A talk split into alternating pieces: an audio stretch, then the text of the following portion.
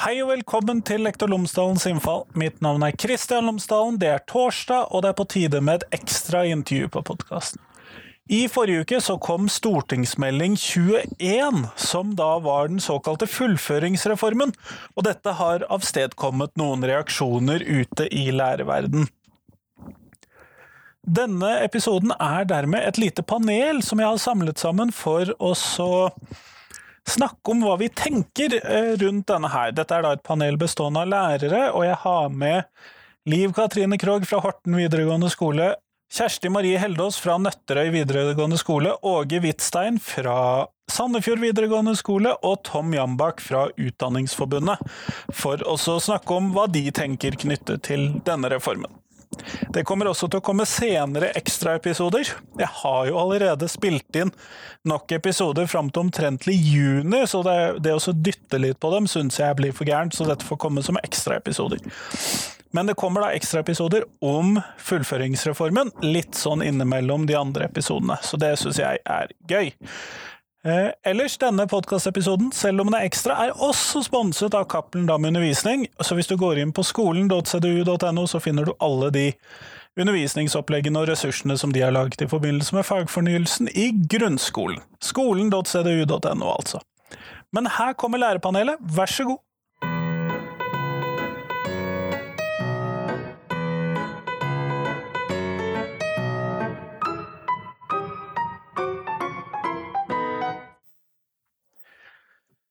Hei, Tom, eh, Liv Katrine, Åge og Kjersti. Tusen takk for at dere er med meg i dag. Takk for det. Eh, før vi starter denne samtalen, så er det fint hvis lytterne blir litt bedre kjent med dere. Så hvis dere kan eh, si tre kjappe ting om dere selv, og vi starter med deg, Tom. Ja, hei Kristian. Jeg er norsklærer, historielærer, og for tiden så er jeg eh, tillitsvalgt i Utdanningsforbundet. Jeg sitter i eh, Utdanningsforbundets sentralstyre. Og da eh, som eh, representant for videregående skoler, stemmer ikke det? Jeg kommer jo fra videregående skole, men jeg representerer jo alle medlemmene våre da. Nettopp, nettopp. Mm. Liv Katrine, tre ting om deg. Ja, jeg er også fra videregående. Fellesfaglærer på Horten videregående skole. Eh, jeg eh, syns jo at jeg må ta med at jeg har bodd i Bergen, da, siden det er en bergensbasert eh, podkast. Jeg har fem år av oppveksten min fra Loddefjord, og også studert i Bergen. Så liker meg veldig godt i Bergen. Det er viktig å få med. Ja, jeg syns det. det. det. gjør jeg. Og så kan jeg vel også si at jeg er tillitsvalgt i lektorlaget, uten at jeg er på et såpass høyt nivå at eh, det er sånn jeg ytrer meg når jeg ytrer meg i det offentlige. Eh, og så kan jeg også si at jeg jobber mye på ei linje hvor jeg jobber mye med realfagselever, eh, selv om jeg sjøl har andre fag. Nettopp, nettopp. Apropos Kjempeflott. spesialisering. Det er godt vi har litt variasjon i fagforeningene her, for jeg tror det er relativt tungt utdanningsforbundet-messig eh, resten av oss. Eh, Åge, tre ting om deg. Jeg heter Åge Hvitstein. Jobber på Sandefjord videregående skole. Det er landets største videregående skole, det er jeg veldig stolt av. Underviser i historie, samfunnskunnskap og engelsk. Uh, og er som du nevnte tidligere, jeg også er tillitsvalgt i Utdanningsforbundet på, på Sandefjord videregående. Men uh, i og for seg så her er jeg på en måte som lærer, da, så jeg er ikke noe sånn representerer ikke Utdanningsforbundet her, da. Det får Tom ta seg ja. Det høres ut som riktig prioritering. Kjersti? Ja, jeg um, er jo også medlem av Utdanningsforbundet. um, jeg uh, jobber på Nøtterøy videregående skole, så Vestfold er jo ganske tungt representert her, merker jeg. Uh, og der underviser jeg i fagene geografi, samfunnskunnskap og norsk. Jeg har også programfaget samfunnsgeografi. Eh, så er man skal si tre ting om seg selv, og man nettopp har vært på podkast hos Lomsdalen for noen få uker siden, så har man brukt opp de morsomme tingene. Men jeg er født i Østerrike, da. Ja. Um, ja. Kjempeflott. Eh, er, vi har jo nå fått denne stortingsmelding 21 som eh, sier noe om hva regjeringen tenker seg veien videre for videregående skole, og hvordan videregående skole skal bygges opp, og hvordan man skal sørge for at flest mulig kommer seg gjennom. Eh, Tom, eh, og der vil jeg jo spørre, for dette er jo en ganske stor reform, det er ganske mange sider ved den. Eh, er det noe Hva tenker du om at det er en såpass bred reform? Ja, Det første som faller meg inn, er jo eh, når du sier bred reform, er jo det at eh, skolen, lærerne i skolen nå, de, de er jo preget av en eh, veldig stresset situasjon. Vi har jo hatt denne covid-19-situasjonen i over et år nå. og I tillegg så har vi akkurat fått fagfornyelsen. Og så kommer dette i tillegg. Så så Det er det jeg tenker på mest, egentlig. Men eh, når det er sagt, så, så har vi jo eh, diskutert dette her i flere år nå eh, gjennom NOU-ene som har endt opp i stortingsmeldingen. og Det er en, bred enighet opplever jeg, blant uh, lærere i videregående skole om at vi trenger en, en, uh, en skikkelig gjennomgang av, uh, av fagene og fagfordelingen i, i, videregående skole. Og også strukturen da, som egentlig denne, denne meldingen skal handle om. Kjempeflott. Vi er jo primært sett fellesfagslærere her, i hvert fall alle underviser i forskjellige fellesfag. Men Åge, hvordan, eh, hvilke tanker har du gjort deg med det de foreslår at de skal redusere antallet fellesfag? Jeg syns det er eh, Jeg skal ikke være for ekstrem, men jeg syns egentlig det er ganske krise. Eh, fordi man fjerner, for om de ikke sier det helt sånn offentlig nå, da, men så står det jo ganske klart i den innstillingen at man ser på seg fire fag. Og da fjerner man eh, viktige fag, eh, som f.eks. historie, og samfunnsfag, kroppsøving. Det har kanskje vært snakket litt lite om. Eh, og det er så sentrale fag som hører med i den allmenndannelsen som jeg tror Tom skrev på Twitter at det er nevnt fem ganger i, i den innstillingen. Mens det å være klar for arbeidslivet er nevnt liksom 151 ganger.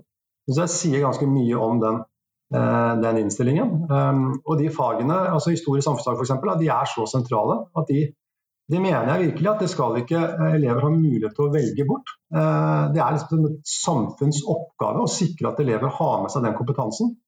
Ehm, og så sier man på en måte at ja, det er ikke ment sånn, og vi skal ha med de fagene videre også, i et eller annet nytt fag. Da. Men det, og det er jeg veldig bekymra for, for det blir at man bare tar med seg noen elementer ha de sentrale fagene inn i et nytt fag.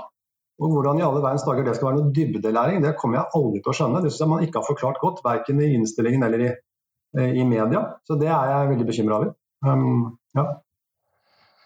eh, Liv Katrine, eh, deler du denne bekymringen, eller hvordan ser du på dette, dette som de foreslår med tanke på fagstrukturen? Eh, det er jo eh, vanskelig nå, ettersom dagene har gått, å få helt fatt i hva de foreslår. Eh, og jeg opplever jo at eh, ordskiftet er ganske prega av manglende forståelse av videregående opplæring sånn som den er i dag. Eh, og det må både minister og redaktører og en god del andre ta, være med og ta ansvar for. Og det syns, det syns jeg i seg sjøl er et stort problem.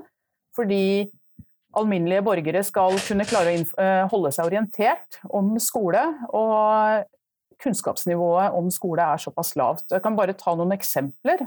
Og det er at Aftenposten på Det var vel Sollien i Aftenposten i går som skriver som om yrkesfagelevene har historie og geografi.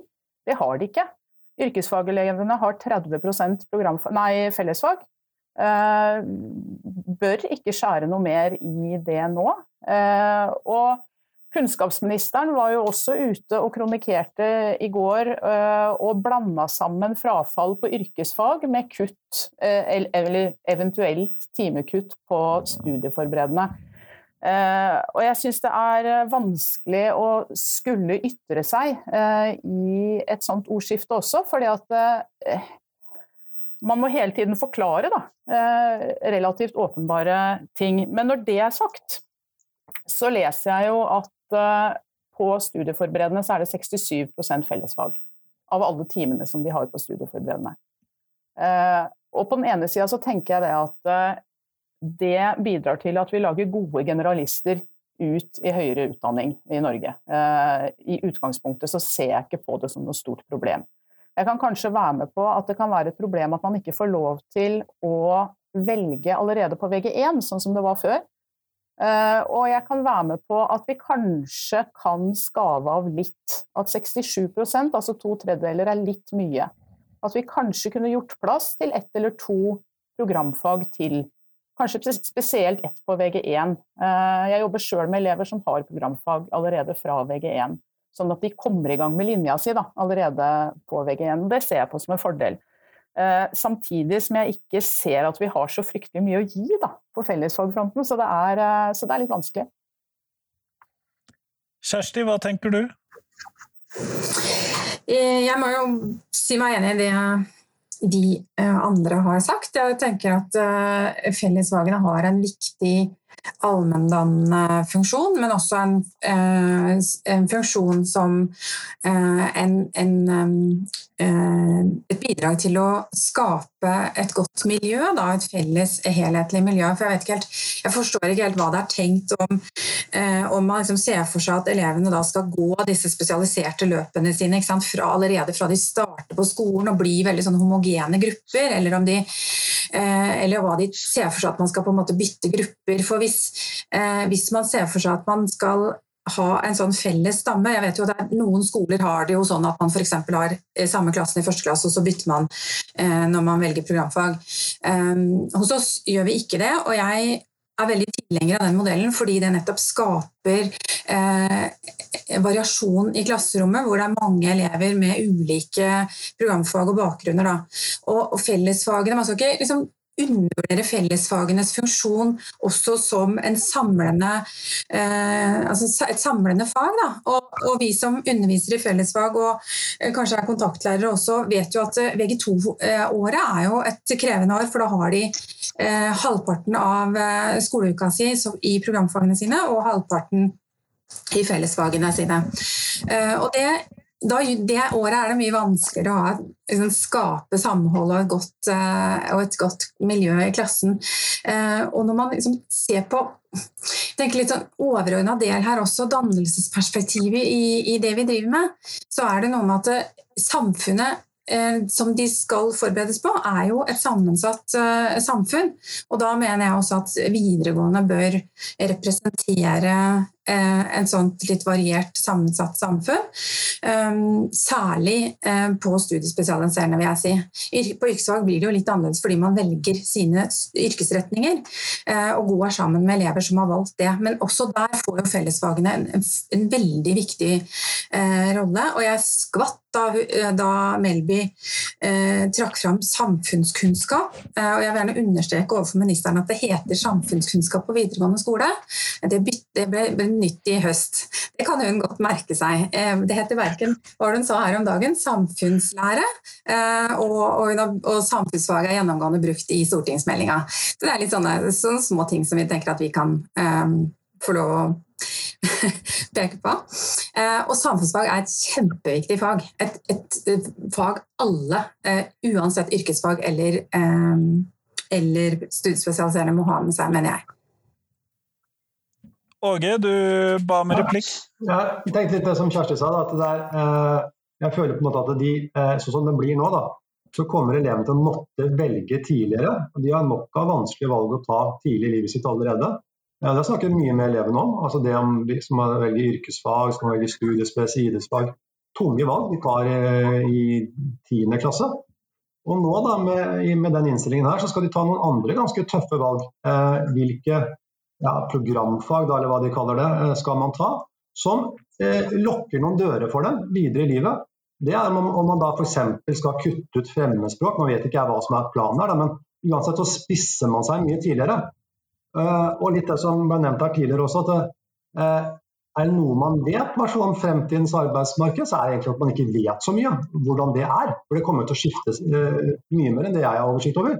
Men da trenger man de allmennfagene, for de er alltid viktige.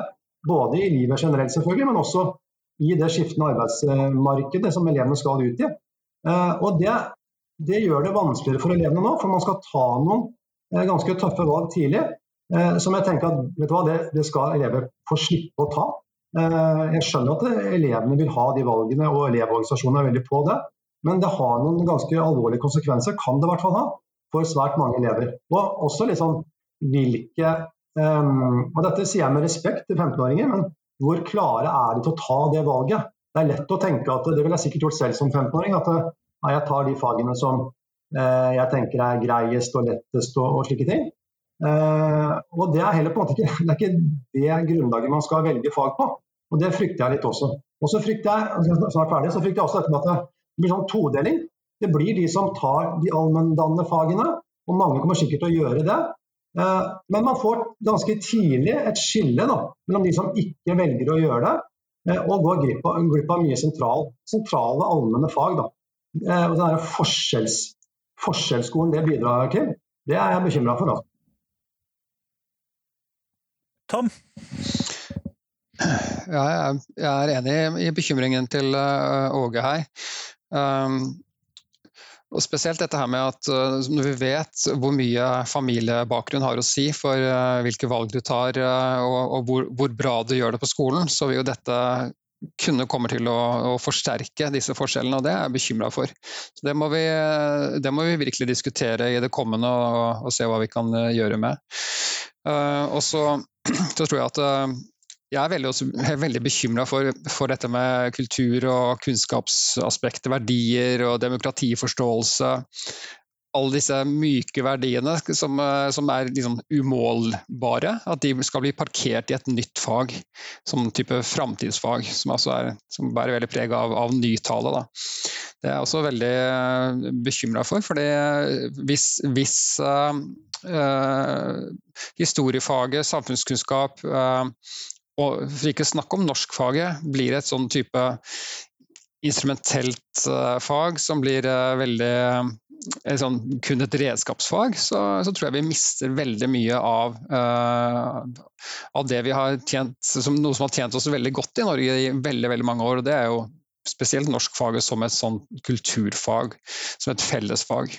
Så jeg, jeg er også bekymra for fellesskolen framtid her. sånn, men men det er viktig også å si at, uh, at disse reaksjonene som har kommet nå da, fra mange lærere, eh, de håper jeg at regjeringen legger merke til. Og så skal vi jo diskutere dette her fremover. Eh, og det er viktig nå at vi som både som lærerorganisasjonene og, og lærerne er aktive i disse diskusjonene som kommer frem, fremover. Liv Katrine? Jo, jeg tenkte altså jeg har tenkt litt på dette her med Altså, jeg leste jo Jeg har jo lest eh, meldinga og blir jo litt sånn tiltalt av dette her med at vi trenger, eller elevene trenger mer fordypning. Eh, samtidig så så jeg tenkte litt på altså jeg, jeg, jobber jo mye på studieforberedende, det er stort sett der jeg jobber. Eh, og jeg tenker at altså, Og det er jo ikke der frafallsproblematikken er størst heller. Uh, og jeg tenker også at et fag som samfunnskunnskap og religion og etikk, som jeg har begge to er, Jeg har til gode å ha elever som stryker i de fagene. Uh, jeg ser ikke at å kutte i dem vil bedre gjennomføringskapasiteten til elevene, men jeg ser jo at uh, gjennomsnittskarakterene går jo ned fra, når man går fra fellesfaget opp på programfaget. Eh, og ikke minst når man går fra nivå 1 til nivå 2 på programfaget. Da går jo karaktersnittet ned. Eh, og man skal være ganske forsiktig før man gir elever enda større muligheter til å fordype seg, hvis man tenker at det skal bidra til større gjennomføring. Det er jeg faktisk ikke sikker på. Eh, jeg, min erfaring som lærer er at de tøffeste timene har jeg de gangene jeg krever dybde de gangene jeg krever langlesing og krever langskriving og eh, seriøs, kritisk kildevurdering. Eh, og det å stå i den type oppdrag over lengre tid. Det er da jeg gjør meg upopulær som lærer. Eh, ikke når jeg skraper litt i overflata og tilbyr litt sånn eh, halvunderholdende eh, greier. Eh, Tom? Ja, Det Liv Katrine er inne på der, tror jeg er veldig viktig fremover uh, å, å, snakke mer om. fordi i den grad uh, meldinga altså, som kanskje førstegangslesing eller de første inntrykkene kan gi, det kan gi et inntrykk av at man skal gjøre det enklere, slik at flere kommer igjennom. Uh, og det tror jeg ikke er samfunnstjenlig, rett og slett. Uh, Tom og Liv Katrine, dere er jo begge to norsklærere, og norskfaget er jo holdt utenom denne programfaggjøringen eller fristillingen, eller hva vi skal kalle denne Eh, strukturendringen. Hva tenker dere om at norskfaget er holdt utenom eh, der? Er det naturlig, Liv Katrine? Eh, ja, eh, nei, det er ikke naturlig. Eh, og jeg må jo si at eh, det var jo en av grunnene til at jeg så fram til denne stortingsmeldinga. Det var å endelig få en avklaring på hva er det de ser for seg for norskfaget. For Lied-utvalget likte jeg dårlig i, i, så måte. Eh, dette her med å skulle skave bort alt av kultur og litteratur og språk ut av faget og gjøre det til et rent redskapsfag, sånn som jeg leste det der, det så jeg på som lite studieforberedende. Eh, og jeg forventa at, at eh, denne stortingsmeldinga faktisk skulle konkretisere. Jeg er vant til at en stortingsmelding konkretiserer en, en NOU, mens her så blir det bare enda mer ullent. Eh, og det snakkes om en variant av norsk, så det ligger jo under der at man ser for seg at det også skal reduseres i de fellesfagene man foreløpig ser for seg at man skal beholde. Eh, og igjen tilbake til dette her med å lese og skrive langt, noe som gjentas nesten til det kjedsommelige i stortingsmeldinga, hvor viktig det er og hvor mye det etterspørres fra akademia. Så tenker jeg at eh, ja, er det noe vi driver med i norskfaget, så er det lesing og skriving. Og hvis det er noe sted man virkelig får til å lese og skrive langt, så er det også i norskfaget.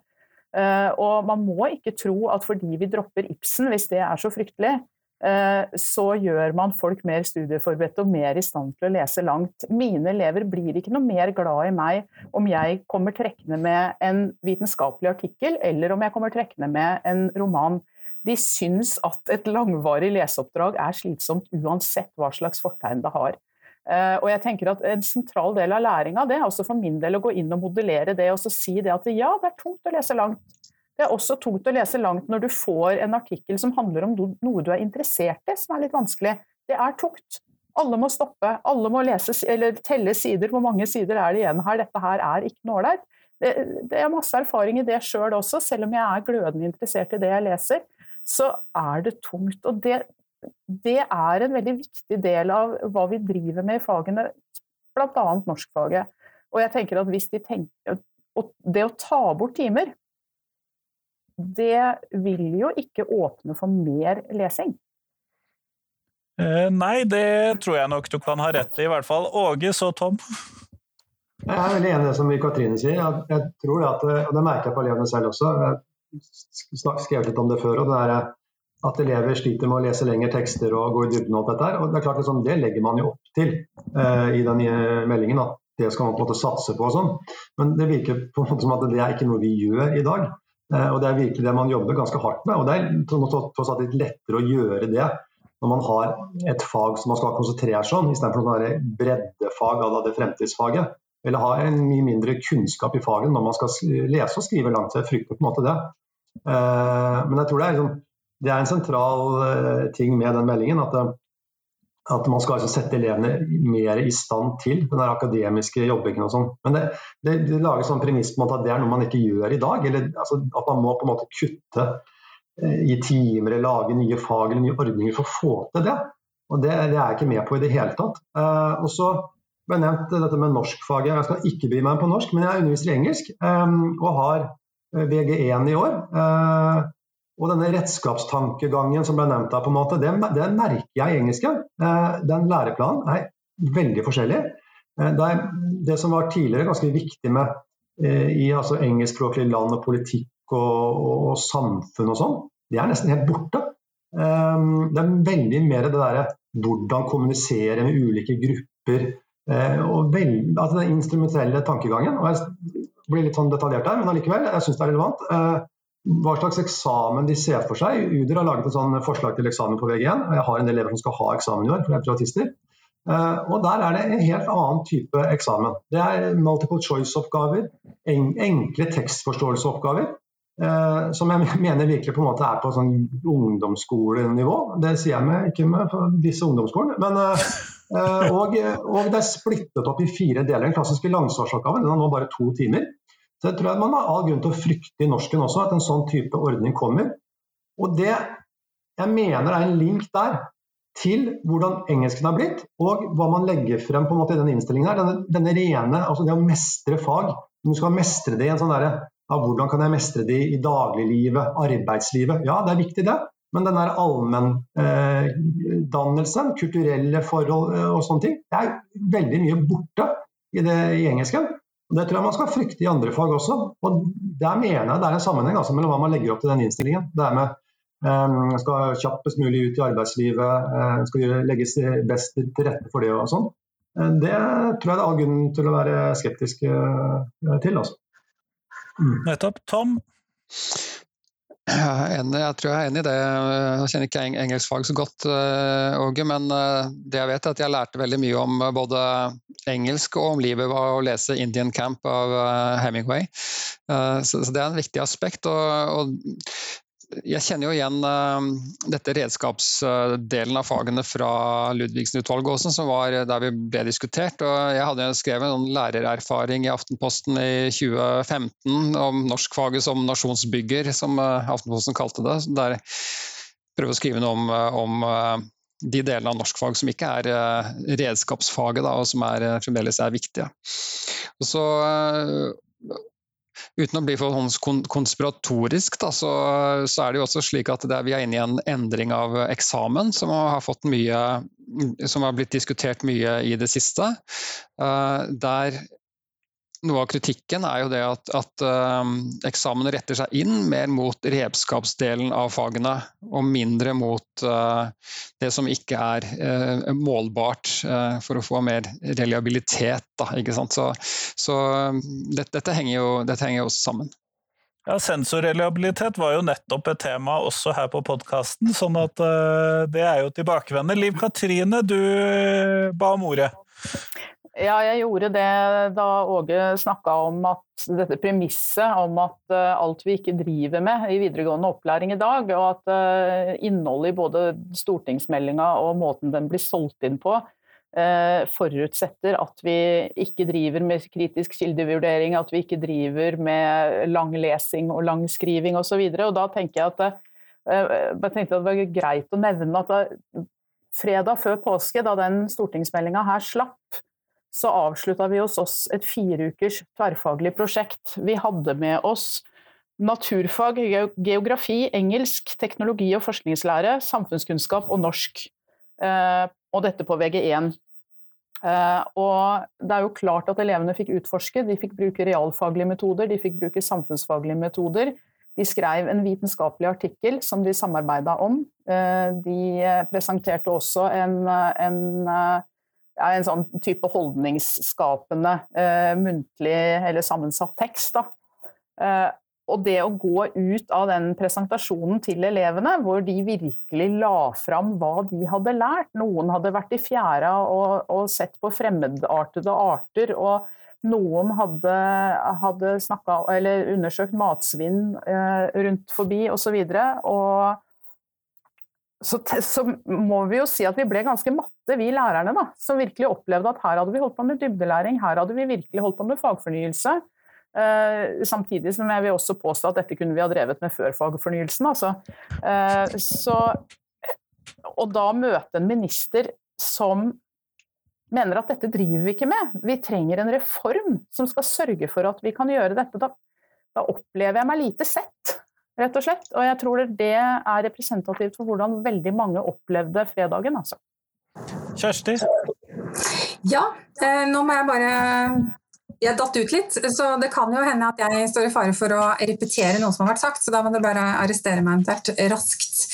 Men eh, til det Katrine sier nå, det er veldig enig, og jeg syns kanskje det var noe av det mest provoserende på fredag. Sånn en umiddelbar reaksjon på, på den pressekonferansen eh, var nettopp, og tydeligvis Åge har vært inne på også, dette med det usagte. Det vi driver med på skolen. Hva er det vi egentlig holder på med? Jo, vi jobber jo veldig hardt for å nettopp gi elevene den forberedelsen på, eh, på både altså, helt sånn instrumentelt, på, på standpunktkarakterer, eventuelle eksamener. Det er jo en viktig del av det. Men, men også fordi læreplanene er så eh, gjennomgående bearbeida nå knytta til eh, dette begrepet dybdelæring, bl.a. Og jeg driver jo også i norskfaget, sånn som Katrin driver, men også i flere andre fag. I år er jeg så heldig at jeg har eh, førsteklasse i både norsk samfunnskunnskap og geografi. Og da åpner det seg jo en gyllen mulighet for meg til å nettopp drive med f.eks. fagartikkelskriving, eh, kildekritikk og eh, ikke minst lære elevene hvordan de skal referere kilder både i løpende tekst og som en litteraturliste. Det er jo studieforberedende, ikke sant. Da driver jeg med det, og jeg driver med det kanskje i tre fag på én gang. Så da har vi også dybdelæringsbegrepet ganske godt, eh, godt håndtert der.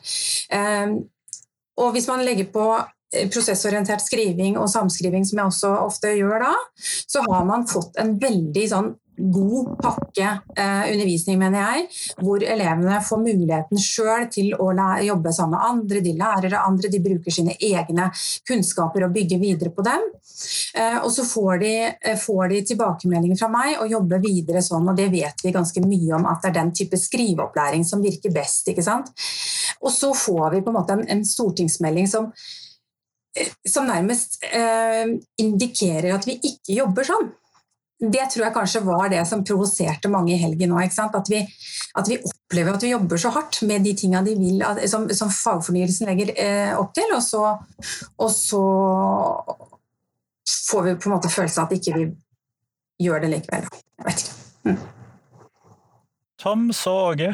Jeg tror den historien Kjersti forteller vil veldig mange lærere kjenne seg i videregående skole kjenne seg igjen i. Men uh, det ligger jo noen muligheter i denne stortingsmeldinga her også. og En av de tingene som jeg syns er positivt, det er at um, de siste årene så har har vi veldig stor grad snakket om det 13-årige løpet.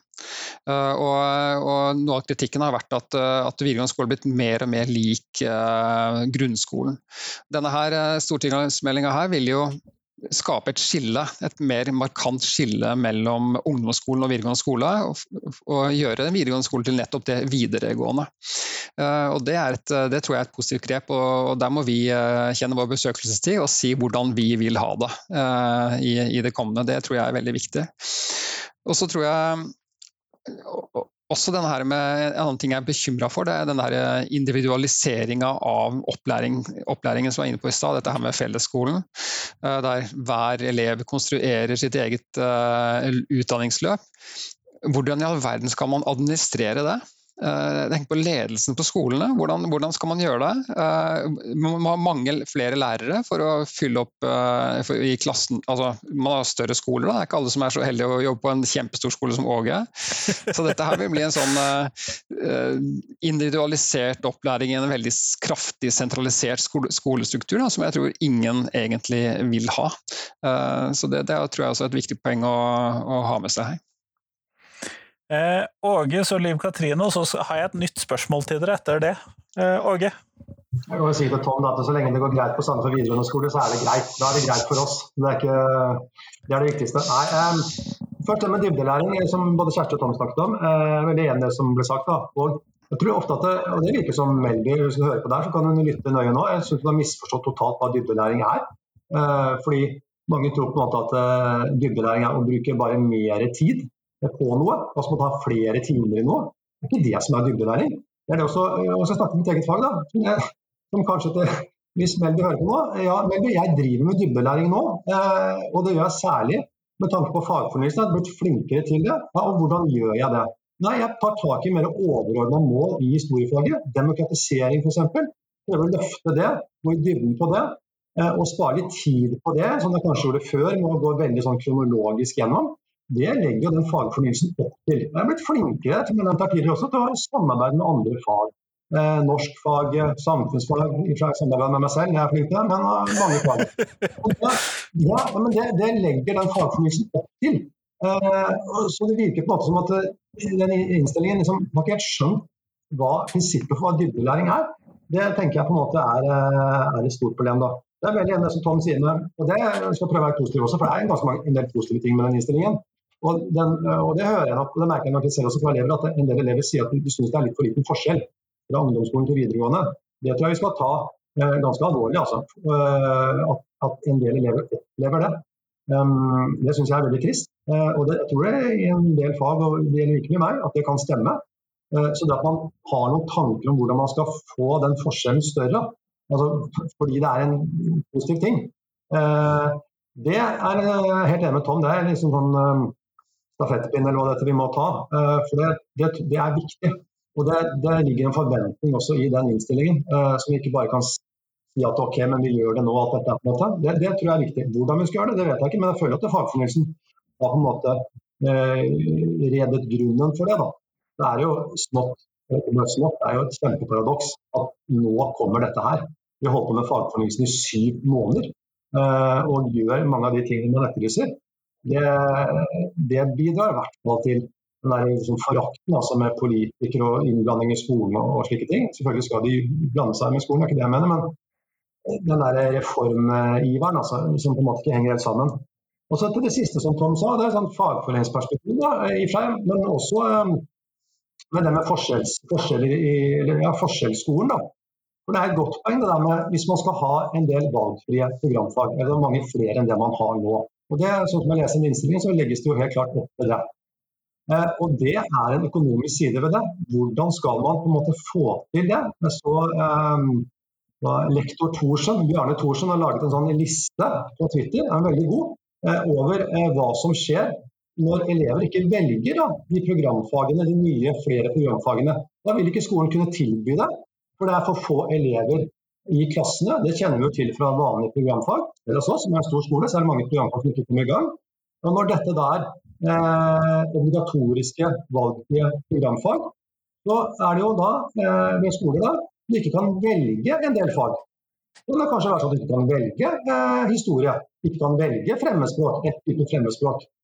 Det er jeg bekymra for. Det. For det er ikke bare at eleven har mulighet til å velge fra øverste hylle, det har han ikke lenger, fordi at man ikke tilbyr alle disse fagene. Det vil være økonomisk, eh, en økonomisk side ved det.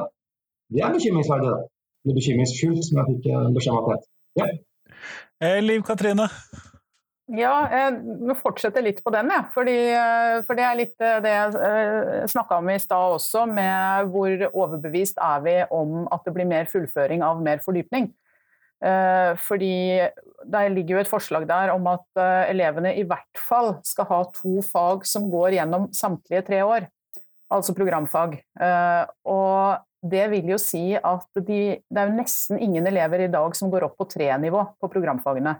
Og det vil si at det blir enda vanskeligere. Og den kompleksiteten som snakkes om her, med tanke på hva vil skolene praktisk være i stand til å tilby, Eh, når eh, store skoler som både Sandefjord og Horten vil, allerede sliter med å tilby en del fag, så blir ikke det enklere når vi skal legge på nivå tre. Det er én ting. Og en annen ting er, og, derfor, og det er vel litt derfor også en ganske stor del av stortingsmeldinga handler om digitalisering og handler om eh, nettskole. Eh, fordi man da ser for seg at man skal løse denne administrative utfordringa ved at flere elever, kanskje, og enda flere i distriktene enn i byene selvfølgelig, men også i byene, Eh, skal sitte på nettskole store deler av faget og samles én eh, til to ganger i halvåret, kanskje, for å ha et aktivt læringsmiljø. Det kan jeg heller ikke se for meg at det blir mer fullføring av. Det, vi har jo en nettskole her på huset, og erfaringene derfra er jo at det er jo stort sett de elevene som er toppmotivert i utgangspunktet, som melder seg på disse fagene, sånn som ståa er i dag. Og ja, de klarer å gjennomføre. De, altså de klarer å gjennomføre uansett hva skolemyndighetene måtte pusse på dem. Men det er jo ikke de elevene vi snakker om når vi snakker om fullført og bestått. Nei, det, akkurat det siste tror jeg du har fryktelig rett i. min erfaring er at noen elever kan du hive nesten hva som helst på, og det går fint. Eh, men, det, en ting som jeg hadde veldig lyst til å spørre om, eh, og jeg kommer til å spørre deg først her, Kjersti, og det er dette nye fremtidsfaget. For min del så Når jeg leser om det, så leser jeg dette er samfunnsfag, men vi har tatt ut noen greier. Eh, det er den lesningen jeg har av det. Men Kjersti, hvordan leser du dette fremtidsfaget? som F-faget, da, kanskje? Eller O-faget? Ja. um, nei, jeg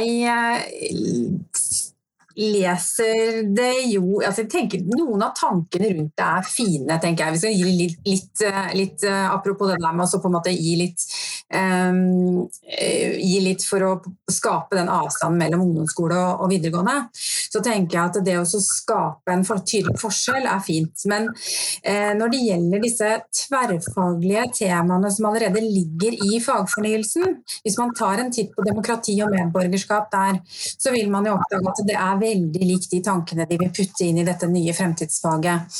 Eh, og, og, de tverrfaglige eh, temaene er jo eh, lagt inn i, i, fagfornyelsen nettopp for å skape og legge godt til rette for at man driver med, med, med denne dybdelæringa og ser fagene sammen, sånn at man kan ha felles prosjekter f.eks.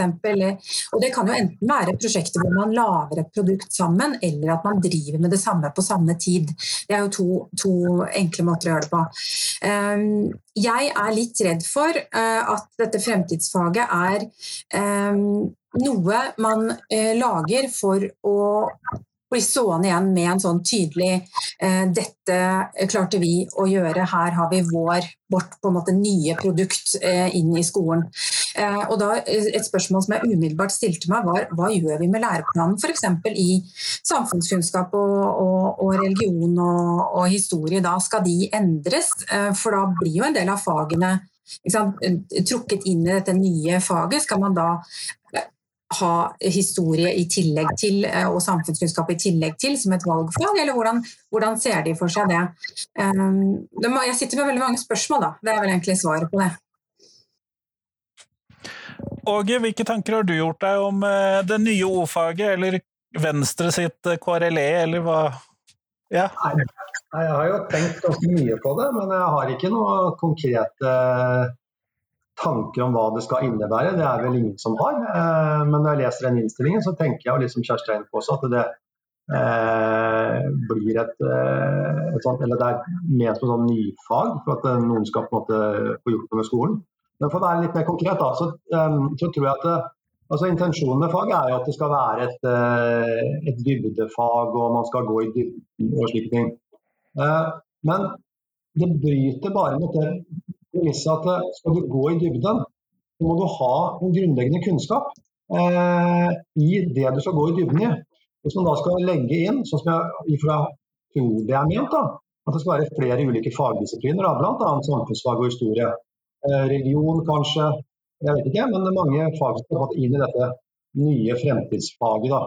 Og, og Når jeg leser hva som er nevnt der, så er det sånn eh, likestilling, etiske valg, demokratisering, som pussig nok er en av de overordnede målene i, i, i um, så uh, har man ikke Eleven har ikke den uh, grunnmuren da, for å bruke det begrepet, til å gå i dybden og drøfte og, og akademisk skriving av dette.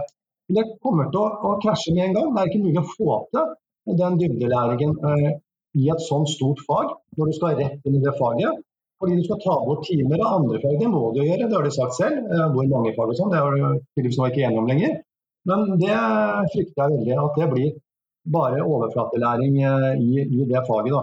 Eh, og mange fag som skal på en måte inn i det. Jeg vet ikke O-fag. Jeg så eh, Jonas Gahr Støre skrev et godt innlegg om dette på Facebook. Han kalte det sånn lapskausfag. Det er egentlig det jeg frykter mest. At er, her er det mange ulike småretter. Men dybde blir ikke det. Altså. Det er helt overbevisende. Og så lurer jeg også på det er kanskje det største problemet, da, men her er det mange ulike fagdisipliner. Jeg tror ikke jeg skal begynne meg inn på noe, å være religionslærer eller, eller, andre typer ting. Så det er jo et enormt fag som en lærer skal ha kompetanse i. Eh, men det er kanskje ikke det største problemet. Tom, hvilke tanker har du gjort deg? Det som Åge er inne på her, er jo viktig. Men eh, nå skal vi jo diskutere det her, da, så drøfte det fremover. Jeg, og hvis det skulle ende opp med et sånn type fag, så håper jeg det blir mer bolabes-fag enn en lapskaus, i hvert fall. Uh, men, uh, eller i hvert fall en bacalao. Uh, så, men, men det er, jeg er bekymra for det med, med, dybdelæringen der, jeg også. fordi at det, det er sånn at elevene skal også da et par år etterpå møte på universitetet og, og, og, kunne det de skal der. Så jeg, jeg, ser ikke helt hvordan et sånt type overflatefag kan hjelpe til der. Og så, og, og så er det jo sånn at de, de, elementene som ligger i det faget der, sånn, og som skal tas bort fra de andre fagene, mange av de elementene bidrar jo til å gi liv til de andre fagene sånn som norskfag. Gi læreren større mulighet for å gjøre disse fagene interessante. Det at du kan eh, lese eh, deler av eh, populærmusikk fra Vittula i samfunnskunnskap f.eks., og si noe om sosiale sammenhenger i et samfunn. Altså, alle sånne ting. Det tar på en måte bort, og det er jeg bekymra for. Og så, og så, tror jeg også at det å gjemme bort altså man, Hvis man skal gjemme bort måte, den allmennkunnskapen og, og, og, verdier og holdninger sånn, i et sånn fag, så er jo også det det motsatte av det man forsøkte, har forsøkt å gjøre med Uh, det som kalles fagfornyelsen, da, som jo ikke er en fagfornyelse, men bare en, en, en kalibrering av, av styringssystemet, uh, egentlig. Men, men, man tar i hvert fall det, også de mulighetene bort fra faget. Da. Og I den uh, forbindelse så må jeg også si at Nå har vi, ikke, nå vi snakka lite om yrkesfagene, som jo også har fellesfag, som vi vet.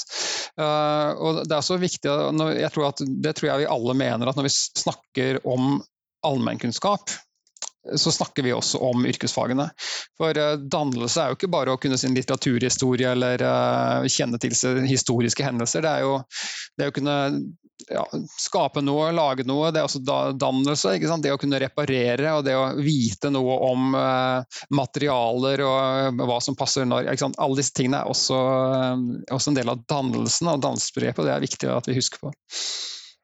Ja, og det er egentlig mitt neste spørsmål når jeg er ferdig med denne runden, men jeg vil ha Liv Katrine først. ja, det vil jeg òg. Eh, jeg opplever dette faget som altså, Her tar vi alle de andre faga, og så sier vi at eh, det som ikke er eh, redskaper, det skal bort. Og så tenker man at oi, hva skjedde med overordna del nå?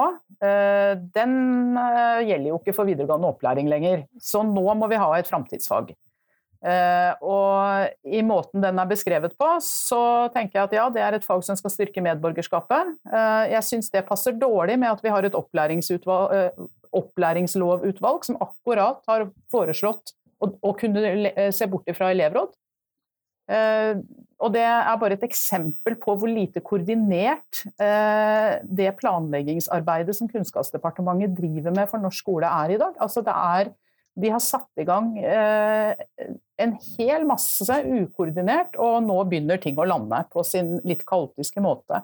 Og så tenker jeg også det at Hvis du skal slå sammen en hel masse fag eh, til ett fag, eh, så får du i hvert fall ikke vist fram forskjellen på ungdomsskolen og videregående skole. For det er faktisk noe av det videregående gjør, at vi viser fram den porteføljen som elevene møter seinere. Og Hvis vi også skal drive oss og slå sammen, sånn at elevene faktisk ikke har den forståelsen av at dette er fysikk, eller dette er geografi, eller dette er samfunnskunnskap, mens dette er historie, så eh, ja, altså det, det, det, passer ikke med min måte å tenke eh, dannelse på, men, eh, men, det kan godt hende at det likevel faller ut som noe positivt. Det skal jeg ikke se bort ifra. Men, eh, og her så har jeg lyst til å stille et spørsmål, fordi at Tom, som du sier, det er veldig stort fokus på de studiespesialiserende retningene når vi kommer til disse tingene. De fleste snakker om fagene som finnes på de studiespesialiserende retningene, og man snakker om eh, ulike sider ved det. Og, men for yrkesfagene så er det jo da veldig mange færre eh, av denne typen fellesfag som er på menyen i det hele tatt. Ehm, og så lurer jeg jo litt da på, når vi da også ser at frafallsproblematikken den er størst på yrkesfagene, og ikke egentlig på de studiespesialiserende fagene, så i hvert fall min oppfatning er at dette kanskje ikke er helt riktig medisin for problemet som man ønsker å gjøre noe med. Og da lurer jeg jo litt på, hva tenker dere fire om eh, det? Og da er det førstemann til å rekke opp hånda, egentlig, til å kaste seg ut i det. Yes, Kjersti! Det har jeg tenkt mye på. Fordi ja, eh, Hvis vi ser litt på, på, nettopp på Du er jo inne på dette med frafallsstatistikken. Så er det jo ikke på studiespesialiserende linje elever som lykkes med å gå der. Det er jo ikke de som faller fra. Det er elever som har problemer eh, allerede fra grunnskoletid, ofte langt tilbake. Det er elever på yrkesfag. Eh, mange, altså, de flesteparten av årsakene til frafallet ligger faktisk utenfor eh, videregående skole. Eh, eller mange av dem gjør det. Og da tenker jeg at da, Det må vi jo selvsagt gjøre noe med. Det er viktig å gjøre noe med. Og det er en eh, viktig sak for meg. Jeg har eh, flere ganger eh, hevet stemmen og snakka om eh, bl.a. elever som faller fra pga. Eh, ulike årsaker til skolevegring. Eh, så Det er en viktig del av debatten. Men jeg tror ikke det som skjer nå er den medisinen som skal løse det problemet. Med unntak av en ting som jeg syns er veldig bra i den stortingsmeldingen her, og det er denne livslange retten til videregående skole. Det at man tar vekk den, den, eh, den begrensningen som, som, ligger i eh, videregående skoleløp. Men jeg er eh, veldig spent på hvordan det skal løses, for det er jo også en logistisk eh, Eh, altså det er et problem å få til eh, logistikkmessig, men det er også eh, noe med alle disse valgene som kommer på. For jeg ser også for meg nemlig at vi kan få en liten sånn frafallsgruppe knytta til de elevene som har valgt feil tidlig. Nå når det blir så mye valgfrihet. Så jeg tror vi får en liten gruppe til. Og da lurer jeg på hvordan skal det løses, f.eks. Så det å se på frafall i videregående skole med et litt annet blikk enn bare prosenter på statistikken, det tror jeg er veldig viktig nå. Åge? Jeg er veldig enig i det siste her. og For, for å være positiv, da, så det med den voksenretten, eller hva man kaller det, det syns jeg er helt eh, veldig bra. Eh, at man har den utvida retten. Eh, enten altså at det, måte, det, eh, det, ansvaret knyttes liksom til, eh, til, skolen, også, og at eleven skal fullføre. At man skal på en måte tilby altså, livslang læring, eller hva som er begrepet. altså det at det, eh, man ikke sånn som det er i dag. altså går du, Mislykkes du, på en måte, så har du et visst antall år, og så er du ferdig. og Så er du ute i privatistverden, som er helt lokal og ikke den letteste måten å, å, komme seg videre på. Det har jeg ganske god erfaring med. Jeg har vært sensor i haugen år. Eh, så det tenker jeg det er en veldig bra ting med, både LID-utvalget og den innstillingen her. at det, ansvaret eh, knyttes veldig opp til skolen med å følge opp, med at man skal ha retten både til å fullføre, men også det til å dette med å bytte, bytte, bytte, yrkesutdanning eller hva det er. Altså den retten den syns jeg er eh, utrolig bra. Det er klart det er mange ting med det. altså både sånn hvordan man skal løse det økonomiske, og dette, men det er jeg stor tilhenger av. At det eh, knyttes opp mot, eh, mot ansvaret som skolen har. Da. Det tror jeg vil hjelpe svært mange. Det er, det er en veldig viktig ting med både Lideutvalget og den innstillingen. som jeg tenker man skal virkelig løfte frem. Altså. Eh, absolutt. Eh, så er jeg også enig som Kjersti sier med de, de, sårbare elevene, skolevegrerne og sånne ting. Jeg har litt erfaring med det selv som lærer. Eh, og den innstillingen også på en måte legger mye bedre til rette for det. Det syns jeg er kjempebra. Og det er, da snakker vi jo frafall, altså, som på en måte man kanskje ikke har vært flinke til å gjøre noe med nå, da, frem til nå. Mm. Tom? Ja, jeg tror um, når det gjelder uh, yrkesfagene, så det, i den grad uh, det, det, blir Altså man kan velge bort flere av fellesfagene på yrkesfag, så er jeg skeptisk til det. For jeg tror uh, det, er viktig at, vi, at, at yrkesfagene opprettholder en altså den allmenndannende funksjon også på yrkesfagene. De har jo kroppsøving f.eks., liksom, matematikk, engelsk, Samfunnskunnskap. Norsk, samfunnskunnskap, ikke sant. Så, så, hvis de også kan velge bort det, så tror jeg det ikke er tjenlig. Og så, og så er det sånn, Mange snakker om at det er for mye teori på yrkesfagene, at det er en utfordring. Men jeg snakker med yrkesfaglærere som sier at det er for lite teori. Uh, og, og, og, det er klart at uh, Fordi at man snakker om teori, så snakker man liksom om, om, om diktanalyse. Men uh, det, det, er også en så, Men de, denne delen av ja, av, av uh, allmenndannelse er også viktig for, uh, for, de som går på yrkesfag. og det er, uh, jeg synes det er sånn, ofte en sånn nedvurdering av elever å, ta det for gitt at, at en, hvis du går på byggfag, så er du ikke interessert i å lese romaner. Liksom. Det, det, sånn er jo ikke verden. Det, det, tror jeg er, rett og slett er feil. Så, og pluss at man selvfølgelig også da trenger alle de kunnskapene videre da, når vi vet hvordan verden er nå. Med at den er fragmentert, og at er, uh, man kan uh, bli et forholdsvis lett bytte for konspirasjonsteoretikere. Så det er klart at det, vi vil ikke ha et større skille i befolkningen. Så jeg tror at det, det, det, er, et aktuelt spørsmål også på, på yrkesfagene. Er det noe annet som uh, som er viktig, og at uh, yrkesfagene har nettopp gjennomgått en ny, fått en ny struktur og, og, og, og en fagfornyelse de også. Og det, det, er jo nok et problem der. Mm. Lik Katrine, så Åge? Ja, og der har jeg også vært litt opptatt av at fagfornyelsen knapt er i gang.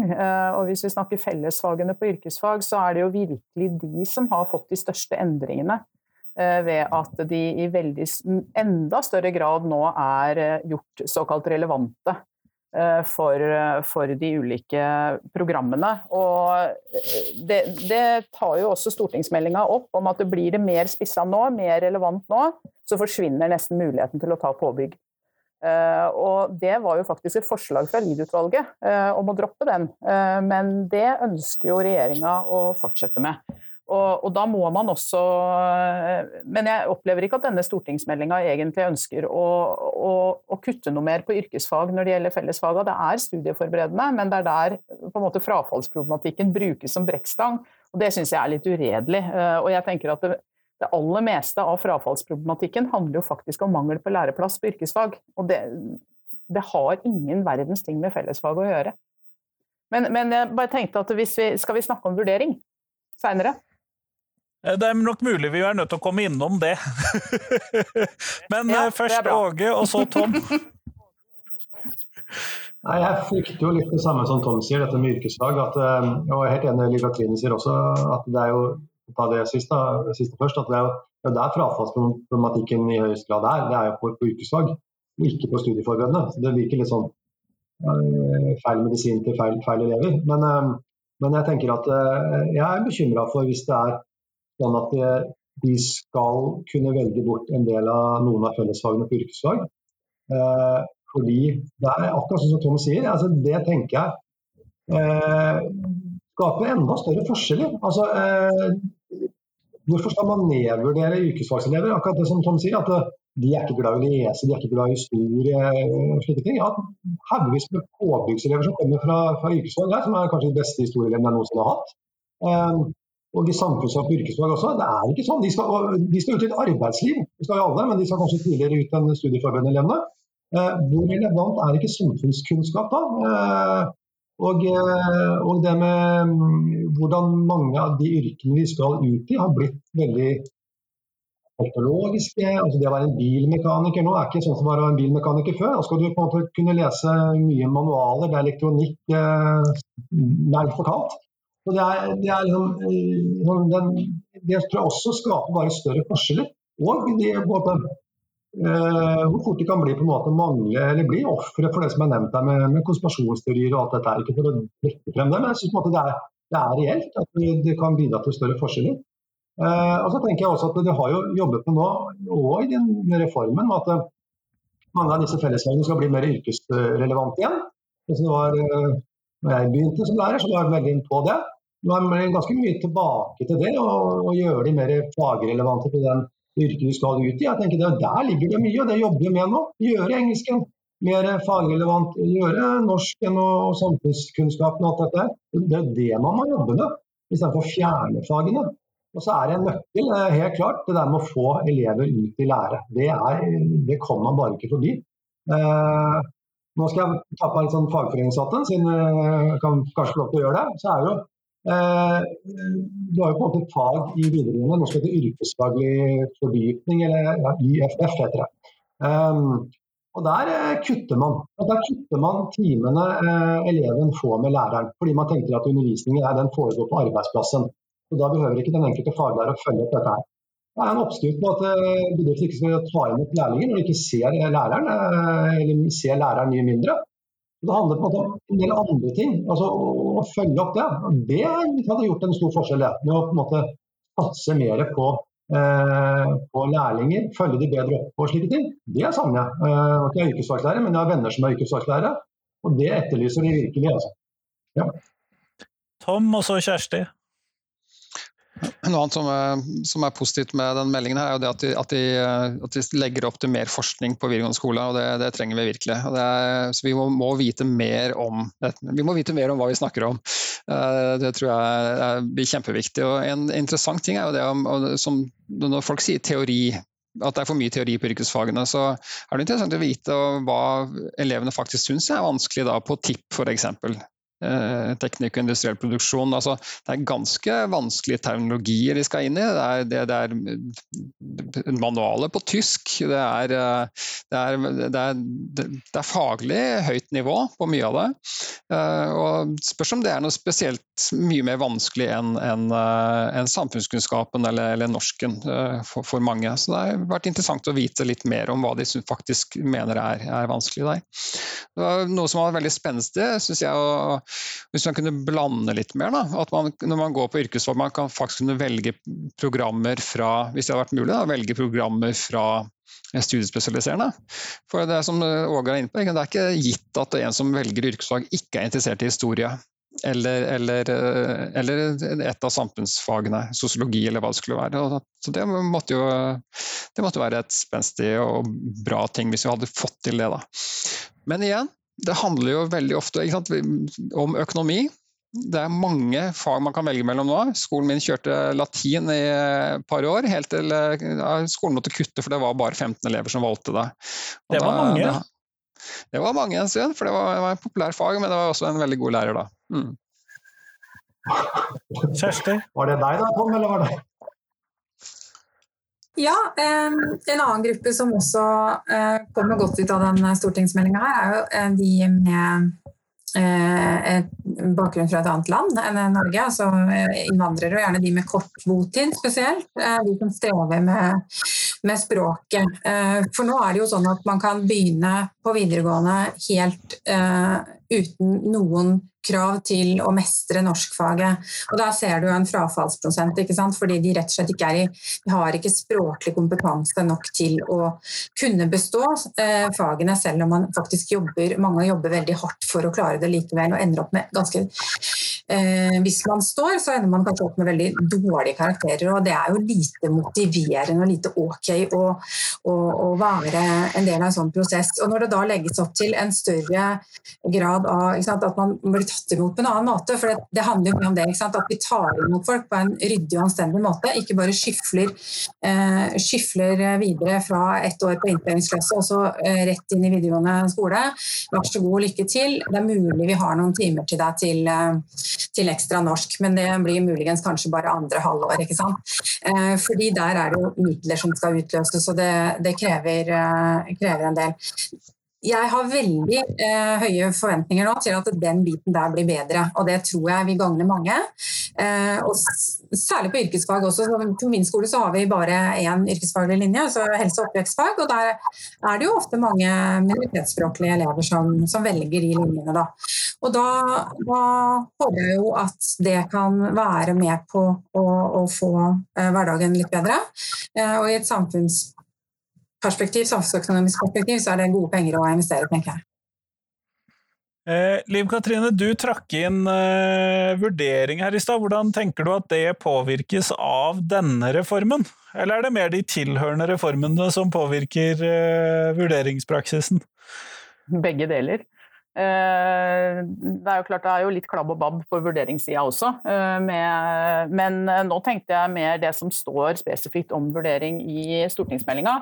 Uh, og det syns jeg uh, er et uh, relativt godt kapittel. Det kunne vært mye tydeligere, mye mer konkret, men jeg, men jeg mener at altså Jeg er helt enig i det som står der, om at man trenger mer vurderingssamarbeid på skolene i videregående. Der er videregående i bakevja sammenligna med grunnskolen. Vi samarbeider for lite om vurdering i videregående.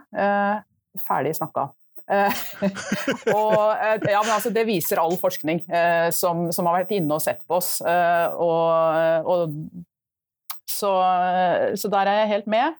Og jeg er også med på at noe som er problematisk med alle, altså antallet fellesfag, er antallet vurderingssituasjoner. Eh, altså Antallet fag driver antall vurderingssituasjoner opp, og vurderingsforskriften driver antall vurderingssituasjoner opp. Og Det er jo stortingsmeldinga delvis inne på også, at det kanskje er formuleringer i forskriften bidra, altså at det bidrar litt for mye til dette vurderingspresset og skolestresset som, som man jo ønsker å, å, å motvirke. Og jeg tenker at Der trenger vi en grundig dialog på hvordan kan vi gjøre dette bedre. Og Der mener jeg også at fagfornyinga er, er et av verktøyene. Eh, dette her med at vi har fått egne vurderingsformuleringer i de respektive læreplanene, og bestillinga egentlig er at vi skal jobbe mye mer i prosess enn det vi har gjort i videregående. Det syns jeg er bra, og det kan bidra til det. Og hvis man i tillegg da kan få en endring av forskrift, Sånn at vi ikke har dette her kravet om bredt vurderingsgrunnlag, som gjør at vi må ha såpass mange vurderingssituasjoner. Og sånn som et fag som norsk, som er tre fag i ett på VG3, eh, og i tillegg skal ha et bredt vurderingsgrunnlag, da får vi ikke til å jobbe i prosess. Da får vi ikke til å levere på fagfornyinga. Det er fryktelig trist for elevenes del. Eh, kunne vi kunne vi tenke oss at flere skoler skulle lagt opp uh, opplæringen annerledes? Altså at man la ting i bolker og semestre mer enn at man skulle ha hele faget gjennom året? Kunne det ha løst noen av de problemene som dette prøver å løse, Åge?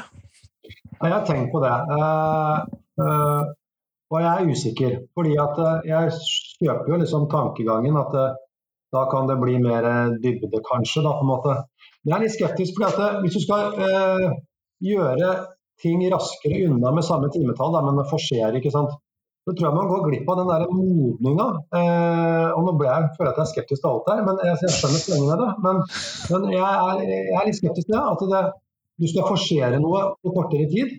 Eh, og, så, og det kjenner jeg veldig godt på. Hvis jeg kanskje tar mitt fag historie, da, som jeg, jeg kjenner best av. Um, da er det alltid sånn uh, at det tar ganske lang tid før det løsner for elevene. Og Det er ikke fordi at jeg er noe spesielt dårlig eller god lærer, men det, det tar tid. Det er stort fag.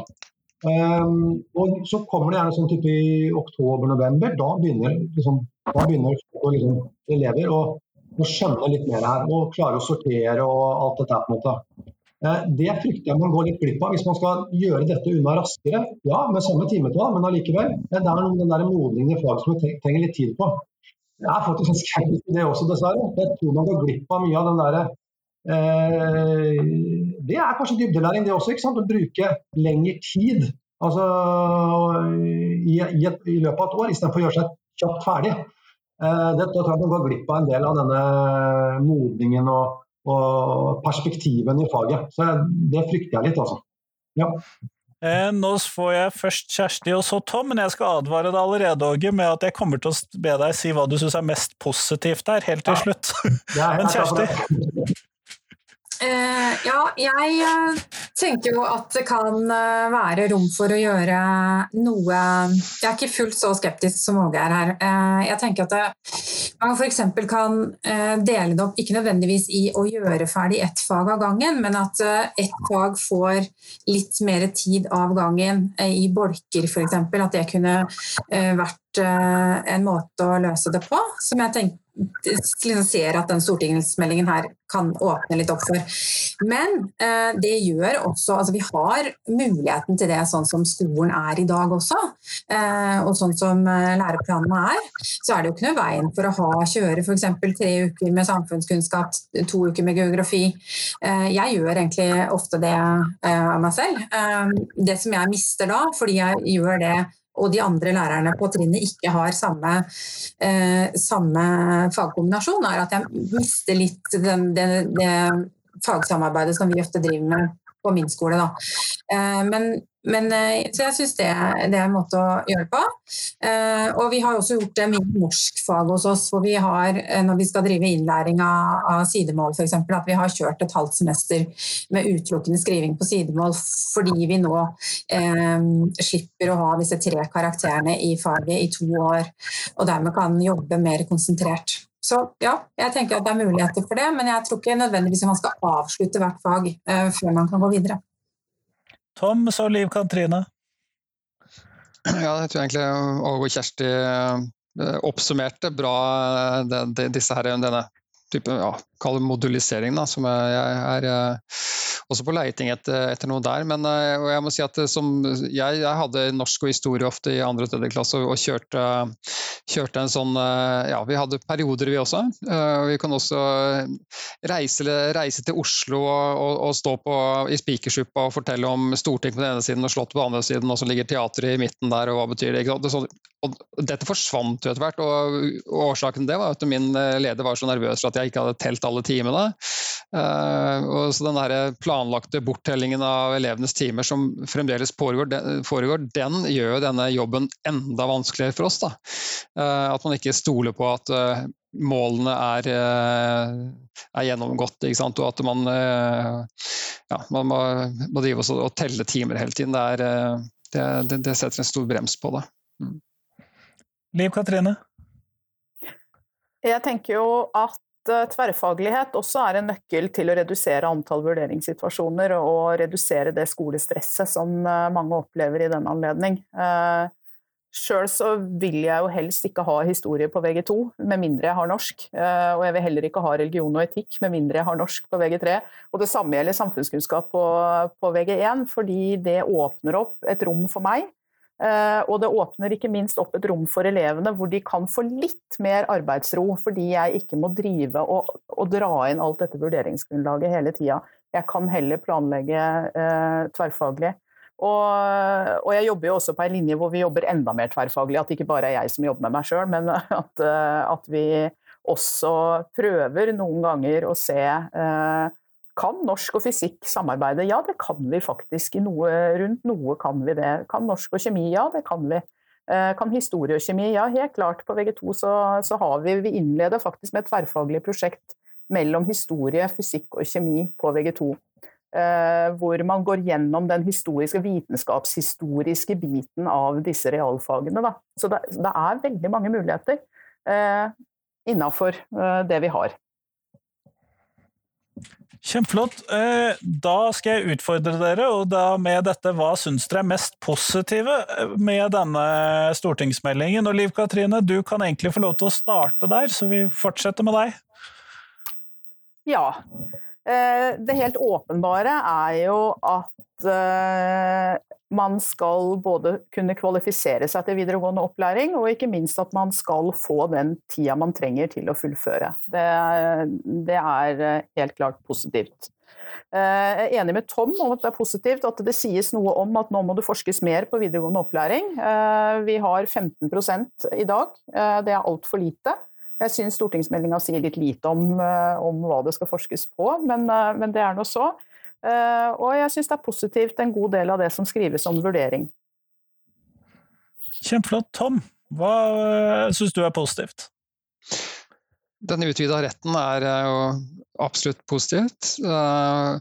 Og så dette her med, som jeg syns jeg leser, at man skal at, at Som også Lied-utvalget foreslo og sa, at videregående skole skal være videregående og ikke en del av grunnskolen. Man begynner å snakke om videregående skole og grunnskole. Det tror jeg er positivt. Um, pluss at, at, vi får nå et søkelys blir satt på videregående skole uh, bredt, og det, det, det, det syns jeg er kjempebra. Har gått, vi har gått under radaren i altfor mange år. Eh, Kjersti, hva med deg? Hva syns du er mest positivt med stortingsmeldingen? Eh, jeg må bare si meg enig med Tom i at den utvida retten syns jeg er eh, god. Det betyr mye for mange å få, få rettigheter til omvalg. Og voksen, altså at man definerer voksnes rett til, til videregående som noe som også skal være livslangt. Og i tillegg, det har vi jo ikke snakka om, men at de får muligheten til å faktisk ta et andre eh, fagbrev. Det ligger jo også i den, eh, den stortingsmeldinga. Det syns jeg er bra. Eh, og så syns jeg jo at selv om det har kommet klønete ut, så syns jeg at det er positivt at vi nå får en debatt om hva som faktisk er studiespesialiserende. Eh, det har ikke vi rukket å si så mye om nå, men jeg tenker at der kan vi mene noe om det. Og så håper jeg at UH-sektoren også kan mene noe om det. Og, og, kanskje også ta litt ansvar for hva, hva som er studiespesialiserende. Eh, for får vi løfta opp det, og det blir tydeligere, så vet vi jo hva vi på en måte skal se etter. Har det virka, eller har det ikke virka? Så de tinga der tenker jeg kanskje er de jeg syns er viktigst. Ja. Åge, hva med deg? Hva er det du vil trekke fram som positivt? Takk for at jeg fikk være sist ut. Det har alltid med alle gullkornene er brukt opp. Jeg, jo, jeg, prøvde jo å si i stad at jeg var også positiv til det som er nevnt her. Da, bare for å si Det Det med voksenretten og det der, det er jeg kjempepositiv til. Eh, og syns det er eh, en veldig veldig bra ting med både i LID-utvalget og den innstillingen. Eh, fordi det kommer til å hjelpe svært mange elever. Både med omvalg og, og fullføre og det som Kjersti snakket med fagbrev nummer to, eller hva det heter for noe. Sånn type omvalg. Og for å gjenta meg selv, at det, det ansvaret å knyttes til skolen.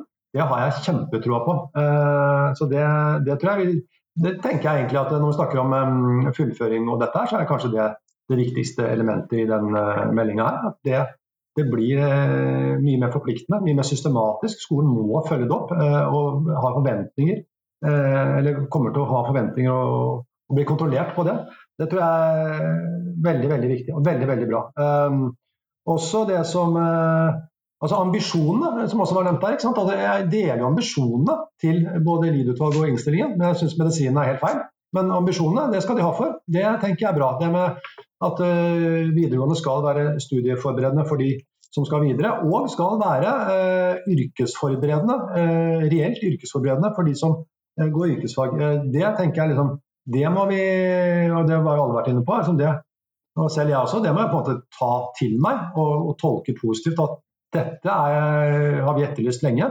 Men det er jo bare det at uh, vi er jo ikke helt enig i virkemidlene. Uh, det kan man kunne si, da. Men ambisjonen er viktig, og det må vi heie på. Så det tenker jeg er, er, er sentralt, da. Um, altså, ja, nå syns jeg var ganske positiv. Takk. Kjempeflott. Vi har kommet til det siste spørsmålet, og det har dere heldigvis for dere blitt advart om på forhånd, men jeg tenker at vi må være litt stikkordsaktige siden det er fire av dere.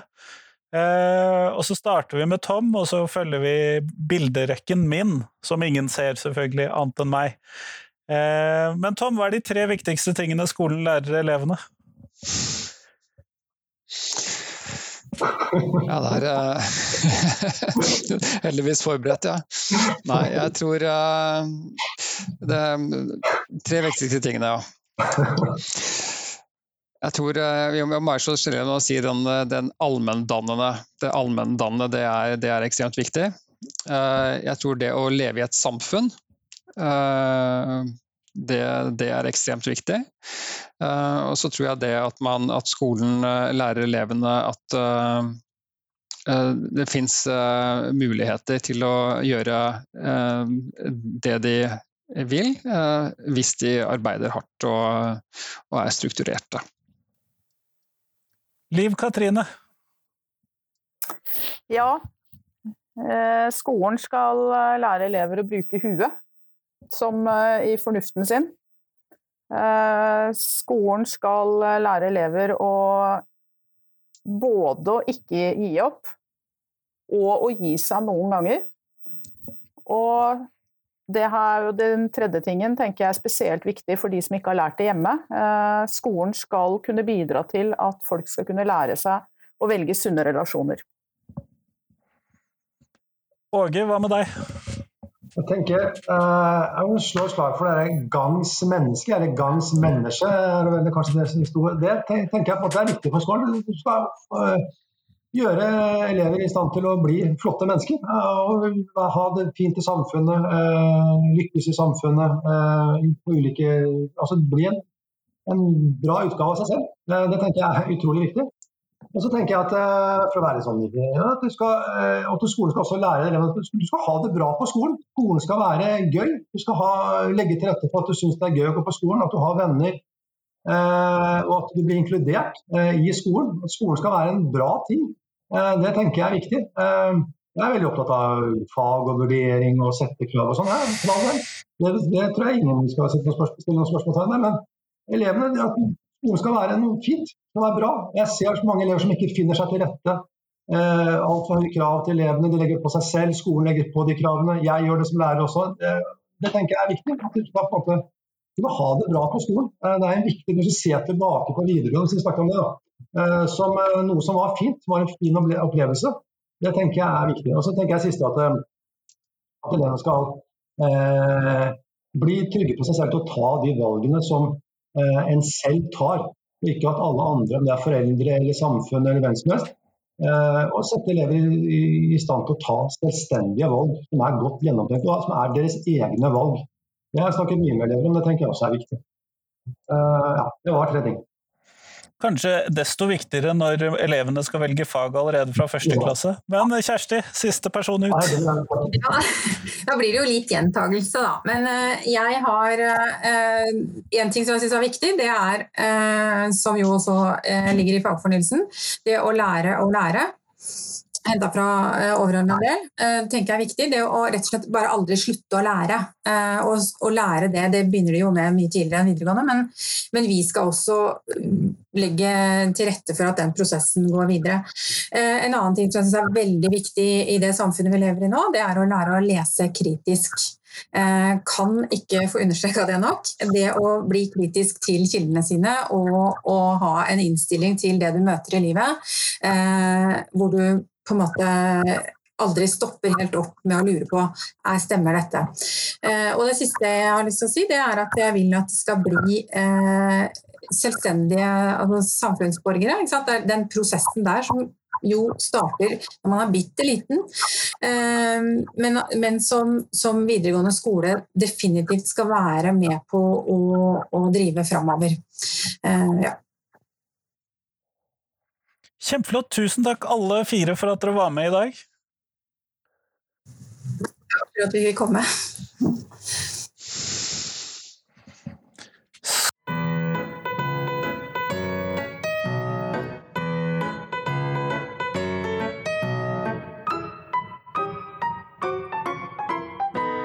Tusen takk til Kjersti, tusen takk til Liv Katrine, tusen takk til Åge, tusen takk til Tom, og tusen takk til deg som hørte på. I morgen så kommer den vanlige fredagsepisoden min, og det håper jeg at du ser frem til, for det handler om yrkesfagene. Ellers, ha en fin helg, og kos deg med alle de ekstra episodene på podkasten. Vær så god.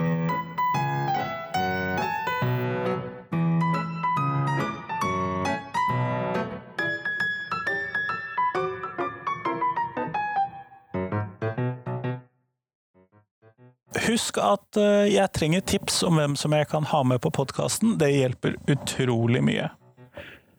Vi høres!